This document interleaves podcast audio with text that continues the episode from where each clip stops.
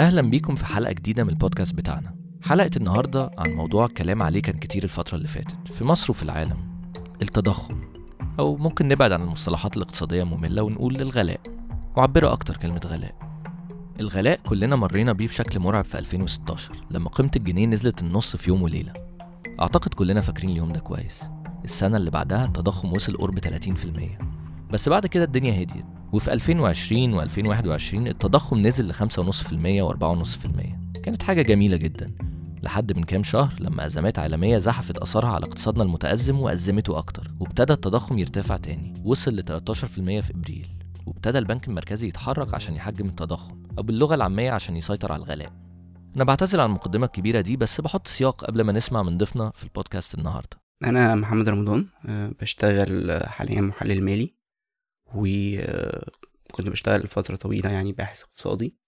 أه، لكن دلوقتي بحاول كده أجمع بين الحاجتين في إن أنا أشتغل على أه، جزء التحليل المالي أو دراسات السوق وجزء تاني متعلق بالماكرو إيكونومي أو الاقتصاد الكلي. رمضان رأيه إن في غياب لرؤية أعمق عن الأسباب الهيكلية للغلاء. يعني الحاجات اللي موجودة في البنية نفسها بتاعة الاقتصاد المصري. حاجات في طريقة إنتاجنا للسلع أو في الخيارات بتاعتنا في لم الضرايب وحاجات تانية هو شايفها بتؤدي الغلاء بعيدا عن الأزمات العالمية اللي دايما المسؤولين بيقولوا إن هي السبب. لأن أحيانا يعني بيبقى في سياق في الكلام والنقاشات وحتى النقد كما لو كنا إن اللي بيحصل في مصر ده آه، يعني آه، مشكلة محلية وليست هي مشكلة نتاج مشكلة عالمية في الأساس. مش هينفع ننكر إن إحنا جزء من الاقتصاد العالمي وبنتأثر بأحداث مفجعة ومؤثرة زي اللي بيحصل في أوكرانيا. اتكلمنا في تغطيتنا الإخبارية وفي بودكاست تانية عن أثر الحرب دي على الأكل بتاعنا وعلى سعر العملة وشفنا بنفسنا خفض قيمة الجنيه الشهر اللي فات كإحدى نتائج تبعات الحرب دي واللي كان ليه أثر مباشر على الغلاء ونقص سلع كتير من السوق. لكن إيه اللي بيخلينا ودول نامية تانية زينا نتأثر بالشكل ده ونكون دايما عرضة لهروب الأموال الساخنة وصدمات قيمة العملة والحاجات اللي زي دي؟ المشكلة في رأي رمضان إن الإجراءات اللي بتتاخد في مواجهة الغلاء بتقتصر بشكل كبير على أدوات نقدية. نقدية يعني ليها علاقة بالفلوس زي رفع سعر الفايدة ممكن تساعد في وقت الأزمة لكن في الآخر تأثيرها محدود جدا. قبل ما نسمع رأي رمضان ممكن نعمل شرح سريع ومخل أكيد لسعر الفايدة عشان تبقوا معانا على الخط. سعر الفايدة اللي هو سعر الاقتراض اللي بيحدده البنك المركزي ببساطة هو تمن إن الناس تستلف أو تسلف. يعني لما يكون سعر الفايدة عالي الناس والمؤسسات غالبا بتحط فلوسها في البنك أو بمعنى تاني بتسلف البنك فلوسها مقابل إنه هيدفع لها نسبة كويسة على الفلوس اللي هي حطها في البنك. عشان كده مثلا لما بنوك مصر والأهلي طرحوا شهادات فايدتها 18% الشهر اللي فات ناس كتير قوي حطت فلوسها فيها عشان الفايدة عالية جدا. يعني لو حطيتي 100 ألف جنيه هيرجعوا لك بعد سنة واحدة بس 118 ألف. سعر الاقتراض بيكون عالي برضه. فشركات كتير بتفضل ما تاخدش قروض من البنوك عشان تكلفتها عالية. كل ده بيؤدي نظريا إن الفلوس اللي الناس بتبيع وتشتري بيها في الاقتصاد بتقل عشان الفلوس كلها مربوطة في البنوك وبالتالي الطلب على السلع والخدمات بيقل كمان. ولما ما يكونش في ضغط على السلع والخدمات الأسعار ما بتعلاش أو ما بتعلاش قوي يعني. وكده المفروض الغلاء يبقى إيه؟ تسيطر عليه. رمضان عنده رأي إن الفايدة مش أهم حاجة في السيطرة على التضخم وإن مصر عندها مشاكل أكبر هتخلي التضخم دايما مرتفع لو ما اتعالجتش لكن أنا بحاول أشوف الصورة الأكبر شوية. على مدى زمني أوسع للتضخم في مصر. والحقيقة أنا عندي آه، اعتقاد راسخ بإنه التضخم في مصر مش مصدره الأساسي هو الطلب وبالتالي هو مش حله هو سحب السيولة من السوق وتقليل الطلب. إحنا عندنا عندنا تقريبا already مستويات الطلب الداخلي منخفضة جدا. فعلا انخفض الدخول طبعا لمعظم المصريين. أه لكن أنا بعتقد إنه التضخم في مصر هو تضخم هيكلي من ال supply side من مضمن ضمن هيكل الإنتاج. أه وبالتالي أنا مش بشوف إنه أه الفايدة أو رفع الفايدة يعني أو السياسات النقدية ليها أثر كبير قوي في احتواء التضخم على المدى الطويل. لأنه إحنا ماشيين في الطريق ده تقريبا من الثمانينات وتقريبا من الثمانينات عندنا مستوى تضخم لما بتكون قليلة بتكون في حدود 10% وسنين قليلة جدا اللي كانت مستوى التضخم فيها أقل من 10% وكان عندنا فايدة عالية ورفعنا أسعار الفايدة أكتر من مرة من الثمانينات وكان عندنا في أوقات سياسة نقدية توسعية وفي أوقات سياسة نقدية انكماشية. وبالتالي كل الأدوات النقدية دي ما قدرتش تحاصر التضخم لأنه في النهاية ده شيء هيكلي. اقتصاديين كتير بيقولوا إن التضخم عندنا جاي من غلاء السلع نفسها بره زي القمح بعد حرب أوكرانيا أو سلع كتير تانية بعد ما قيمة الجنيه انخفضت. وبسبب مشاكل في سلاسل الإنتاج من ساعة ما كورونا ابتدت اللي خلت سلع كتير مش متوفرة وبالتالي بتكون غالية. بما إننا اقتصاد بيستورد أغلب سلعه أو مدخلات الإنتاج بتاعه فالغلاء جاي من العرض مش من الطلب وبالتالي فايدة تأثيرها عليه هيكون متواضع الفكرة دي تناولناها باستفاضة في البودكاست الأخير بتاعنا عن شهادات ال 18% لكن رمضان بيتكلم عن حاجة أبعد من الأزمة الحالية. بيتكلم عن تاريخ من التضخم في مصر بمعزل عن الأزمات الخارجية. في رأيه إن تفسيره هيكلي مش نقدي. تعالوا نسمع أكتر على التفرقة دي ما بين التفسير النقدي للتضخم والتفسير الهيكلي ليه. هو المفروض يعني إنه نظريا في معادلة شهيرة يعني بتقول إنه سرعة دوران النقود في كمية النقود المفروض هو اللي بيحدد آه، مستويات الأسعار الموجودة في الاقتصاد ودي يعني معادلة منطقية فعلا ومعادلة منطقية جدا على ال short term لأنه أنت لو بتبص على سرعة الدوران وكمية الفلوس فهي دي تقريبا هي اللي بتحدد مستويات الطلب وبالتالي هي بتأثر على ال demand side وبالتالي هي اللي بتأثر على مستويات الأسعار.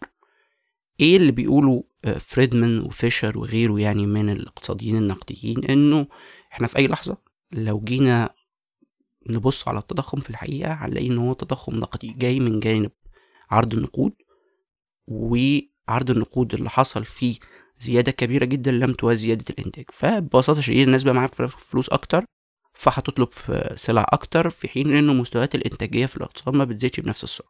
رمضان هنا بيتكلم عن النظرية النقدية للتضخم اللي كان أبائها اقتصاديين إيرفينج فيشر وميلتون فريدمان. النظرية دي بالمناسبة كانت مهيمنة على الفكر الاقتصادي في فترة من السبعينات للثمانينات وكان إحدى توابعها سياسات اقتصادية معتمدة على سعر الفايدة كوسيلة أساسية للتعامل مع التضخم. وكمان إن متخذي القرار يبصوا للتضخم أو يعني لخفض التضخم كأحد الأولويات الاقتصادية. لكن زي ما رمضان قال إن في مصر سعر الفايدة مش هيعمل حاجة لأن الطلب مش السبب. لكن في أسباب هيكلية تانية في رأيه بتأدي الغلاء. بعضها جاي من الحكومة بشكل مباشر زي نوع الضرائب اللي بتلمها والبعض الآخر مرتبط بطبيعة الأسواق المصرية. يعني ببساطة شديدة أنا شايف إن في مصدرين للتضخم اللي بيحصل في مصر على المدى الطويل يعني لو بصيت لها بشكل ال 30 40 سنة اللي فاتوا. أولا إحنا عندنا مشكلة مزمنة في سلاسل التوريد وفي الإنتاجية. دي ناتجة بسبب إنه جزء كبير من الاقتصاد هو غير رسمي. مفيش نوع التراكم التكنولوجي اللي ممكن يزود الإنتاجية مع الوقت. قدرة المؤسسات الصغيرة والمتوسطة على تلبية الطلب قليلة جدا. وفي نفس الوقت ده بيسمح دايما في السوق بظهور احتكارات صغيرة بتتحكم في الأسعار مع على المدى الطويل. وأزمة سلاسل توريد بالذات في مجموعة الخضار والفاكهة. اللي هي وزنها كبير جوه سلة التضخم وهي أكتر مجموعة بتتغير في, في, في, في النسب التضخم بتاعتها يعني. ده لأنه القطاع الزراعي بتاعنا قطاع زراعي غير حديث. إنتاجيته جيدة مقارنة انه الفدان بينتج كويس لأنه طبيعة الأرض كويسة. لكن قطاع غير حديث بمعنى إن هو ما فيهوش سلسلة إدارة أو سلسلة توريد حديثة. بمعنى إنه ما فيش آه، مزرعة formal بتدي لتاجر formal بتدي لمستهلك بيروح يشتري من مجمعات استهلاكية أو شركات قادرة تعمل ضبط أو عندها control على طول السلسلة. طول سلسلة التوريد يعني من الحقل لل- للتاجر لل- للمستهلك. وعملية ضبط سلاسل التوريد دي هي بالأساس لأنه هيكل الاقتصاد لا يدعم ذلك بأي شكل أو بآخر. ده غير كمان إن أغلب الاقتصاد المصري من 50 ل 60% منه طبقا للأرقام الرسمية خارج المنظومة الرسمية. فاولا ده معناه إن أسعار الفائدة مش هتأثر عليه أصلا لأن الفلوس دي بره البنوك. لكن كمان انعدام الرسمية ده بيؤدي لعدم كفاءة في وصول السلع من المنتجين للأسواق. النتيجة لده إن آلية التسعير نفسها بتاعت السلع والخدمات بتبقى عشوائية جدا. بيبقى النتيجة إنه عملية ال- التسعير اللي بنسميها ال pricing behavior بتاع المنتجين بتكون مش خاضعة لأي معايير منطقية سوى إنه متوقع ان الأسعار تزيد. وبالتالي هو دلوقتي لو في السنة دي ما عندوش قدرة غير على إنه يشوف السوق اتجاهه رايح فين وبناء عليه يحط سعر أزيد من السنة اللي فاتت وخلاص. تمام؟ بغض النظر عن تكلفة الإنتاج كانت إيه المرة دي هو خدها من مثلا الفلاح السنة دي أقل من السنة اللي فاتت ولا لأ؟ بغض النظر عن كل ده هو في النهاية لما بيجي للمستهلك المديني اللي قاعد في المدينة عملية تسعيره بتبقى بقى مبنية على فكرة إن هو عايز يحقق ربح وهو بيبقى عايز يحقق ربح سريع جدا لأنه هو مش ضامن السوق. ولأنه السوق فعلا يوم فوق ويوم تحت زي ما بيقولوا أي حد شغال في في التجارة عموما يعني وفي تجارة الحصولات الزراعية يوم فوق ويوم تحت. ممكن سوق يبقى كويس جدا معاك في أوقات. ممكن بسبب إنه مفيش مخازن ولا تلاجات حديثة كتيرة للتخزين ولا إدارة كفء لسلسلة التوريد فتخسر حاجات كتيرة. فهو بالنسبة له إنه عايز يكسب. وفقط يعني. مصر فيها حاجة غريبة اقتصاديا كلنا حاسين بيها وبتستفزنا الأسعار في مصر عمرها ما بتنزل في أي حاجة. يعني حتى لو حصلت أزمة في فترة ما علت السعر جامد مرة واحدة زي ما حصل مثلا في سلع زي العربيات والهدوم في 2016 لكن الأزمة عدت والدولار نزل لكن سعر السلع عمره ما بينزل بعد كده. رمضان شايف إن الفكرة دي إن المنتجين بيعتمدوا في تسعيرهم على توقعات الغلاء بشكل عام نظرا لتقلبات السوق اللي بتخلقها مشاكل سلاسل التوريد بغض النظر بقى عن تكاليفهم والأسعار في القطاع بتاعهم. ده السبب الأول اللي رمضان شايف إنه بيؤدي للتضخم بغض النظر عن التضخم العالمي. نروح للسبب التاني. السبب التاني هو اللي أنا بشوفه من الحكومة نفسها ومن سياستها الاقتصادية. هو اللي ممكن يتسمى يعني ال excessive monetary policy أو السياسة النقدية الحاده أو التوسعية بشكل أكبر من اللازم يعني. ده الحقيقة أنا ممكن أكون متفق فيه مع وجهة نظر الاقتصاديين النقديين لكن أنا مش شايف إن هم قاريين الموضوع صح. بمعنى إنه في حالات الدول النامية السياسة النقدية التوسعية دي بتكون نتاج اختلالات في الموازنة العامة. الاختلالات اللي في الموازنة مثلا زي إنه إحنا ما بنلمش ضرائب كتيرة كنسبة من الناتج المحلي وبالتالي بنعتمد في تمويل الاستثمارات والإنفاق على التعليم والإنفاق على الصحة وغيره وغيره وغيره على الاقتراض. الاقتراض ده في حد ذاته هو quantitative easing هو سياسة اقتص- آه، سياسة اقتصادية توسعية سياسة نقدية توسعية قصدي. وبالتالي عملية إصلاح المكنة بتاعت طباعة النقود دي تمام هي متطلبة إصلاح للفكره الاقتصادية الأعم. يعني بيصبح فيها بقى ال excess monetary policy ده مجرد عرض للمشكلة مش هو في حد ذاته هو المشكلة. وبالتالي ده شيء مهم جدا في فهم دور الحكومة في إنتاج التضخم في مصر. يعني مصر مثلا هيكلها الضريبي هيكل منتج للتضخم. وده يعني شيء مثلا موجود عندنا من بداية الألفينات كده مع ضريبة المبيعات. جزء كبير جدا من التضخم هو جاي من ناحية الضرائب تحديدا الضرائب غير المباشره زي ضريبة القيمة المضافة. يعني أنت حرفيا بتزود على المستهلك قبل ما السلعة تطلع من المصنع 14% تمام؟ فده مع الوقت ومع غياب قدرة الدولة على إنها تلم أنواع تانية من الضرائب. تضطر تقترض. النقطة دي مركبة شوية فهنفصصها. رمضان بيتكلم هنا على حاجتين. أولهم إن الدولة في مصر مش بتعرف تلم ضرايب كتير حتى لو بدأت تحاول في الكام سنة اللي فاتت. في نفس الوقت الدولة بتختار إنها ما تفرضش ضرايب مباشرة مرتفعة زي ضريبة الدخل. وده معناه إنها بتمول جزء كبير من مصروفاتها من خلال الاقتراض. بتستلف. وعشان الدولة تعرف تغطي تكلفة الاقتراض البنك المركزي لازم يطبع فلوس. طبعا الطباعة مش حرفية هو بس بيخلق فلوس زيادة في الاقتصاد. وزي ما شرحنا قبل كده ده بيؤدي للتضخم طبقا للمعادلة المشهورة بتاعت فريدمان. كل ما الفلوس تزيد بدون زيادة مماثلة في الإنتاج الأسعار بتعلى. تاني حاجة هي إن الاعتماد الزيادة على الضرائب غير المباشرة بيزود التضخم لأن كل السلع والخدمات بتغلى بدون تمييز. ضريبة المبيعات اللي بقت ضريبة القيمة المضافة في مصر 14% بيجي منها تقريبا نص الإيرادات الضريبية بتاعتنا. وأيوة دي حاجة موجودة في أغلب الدول النامية لأسباب كتير لكن ده مش معناه إنها مستحيل تتغير. المهم رمضان شايف إن الأسباب الهيكلية دي بتؤدي للتضخم بالأشكال الحادة اللي بنشوفها. وعشان نحلها أو نحسنها لازم ننطلق من الأسباب دي. مش نعتمد على السياسة النقدية اللي ممكن تحسن الوضع على المدى القصير. لو حسنته أصلا. عشان ما نتوهش تعالوا نسمع تلخيص رمضان للي قاله. فده في النهاية بينتج هي الدايرة بقى, بقى على بعضها إنك بتشوف انه التضخم. موجود في السوق وهيكلي ومضمن ضمن هياكل الإنتاج الموجودة في السوق بسبب اللا رسمية والناحية التانية الدولة بسياستها الاقتصادية بتشجع على إنه التضخم ده يفضل موجود كده بالشكل الحالي تمام؟ وبتطبع فلوس عشان تقدر بس تستمر تمام؟ وتفضل مكنة الاقتراض دي شغالة. وكل اللي بيحصل هو عملية شراء يعني متجدد للوقت ونشوف بقى هنعمل إيه بعد كده وربنا يسهل لنا يعني. المشاكل اللي رمضان بيتكلم عليها بتعاني منها دول نامية كتير. وفي تعقيدات كتيرة مرتبطة بالتاريخ الاقتصادي بتاعنا وصلتنا لهنا. لكن عشان الأزمات دي ما تفضلش تتكرر لازم يكون في نقاش يتجاوز الرؤية النقدية اللي بتركز على التضخم والاستقرار الاقتصادي على المدى القصير. رمضان طرح شوية أفكار عن الاتجاهات اللي ممكن ناخدها عشان نطلع بره دايرة الأزمات دي. الحل الحقيقة في نوع جديد من التفكير مع الأزمة. يعني الحل إن إحنا نعمل إصلاح في الهيكل الضريبي. ده شيء مهم جدا وده سهل يتعمل بالمناسبة. يعني في تقاعس كبير جدا من الحكومة في آخر آه، سبع ثمان سنين رغم إن هي اتعملت تقريبا دبل في الحصيلة الضريبية في آخر 8 سنين مثلا أو أكتر كمان. إنما معظم الفلوس دي جاية من ضرائب غير مباشرة زي ضريبة القيمة المضافة وضرائب الجدول و... وكل هذه الأنواع يعني. الإصلاح الضريبي في مصر شيء سهل يتعمل. مجرد تطوير المنظومة وإنك تشتغل على إنك فعلا تلم ضرايب دخل وضرايب أرباح أكتر تمام؟ ما تلم ضرايب غير مباشرة ده by default هيقلل معدل التضخم. عندك مثلا حل تاني مهم هو عملية التصنيع أو إنتاج صناعة توفر بديل عن المنتجات المترومة بدأوا يتكلموا في ده يعني بس برضه هو القصة هنا مش سهلة لأنه أنت هتنتج إيه وتكلفة إنتاجه هتبقى إيه ومقارنة بالدول التانية اللي بتنتج. وبالتالي ممكن يكون الحديث عن سياسة إحلال واردات في الوقت الحالي يعني شيء محتاج دراسة. أنا بقولش إنه ما ينفعش بس محتاج تشوف أنت عايز تعمل إيه فيه يعني. ممكن يكون الحل هو الحكومة تقرر إنه بشكل ما أو بآخر يعني إحنا محتاجين نتوقف عن الإقتراض.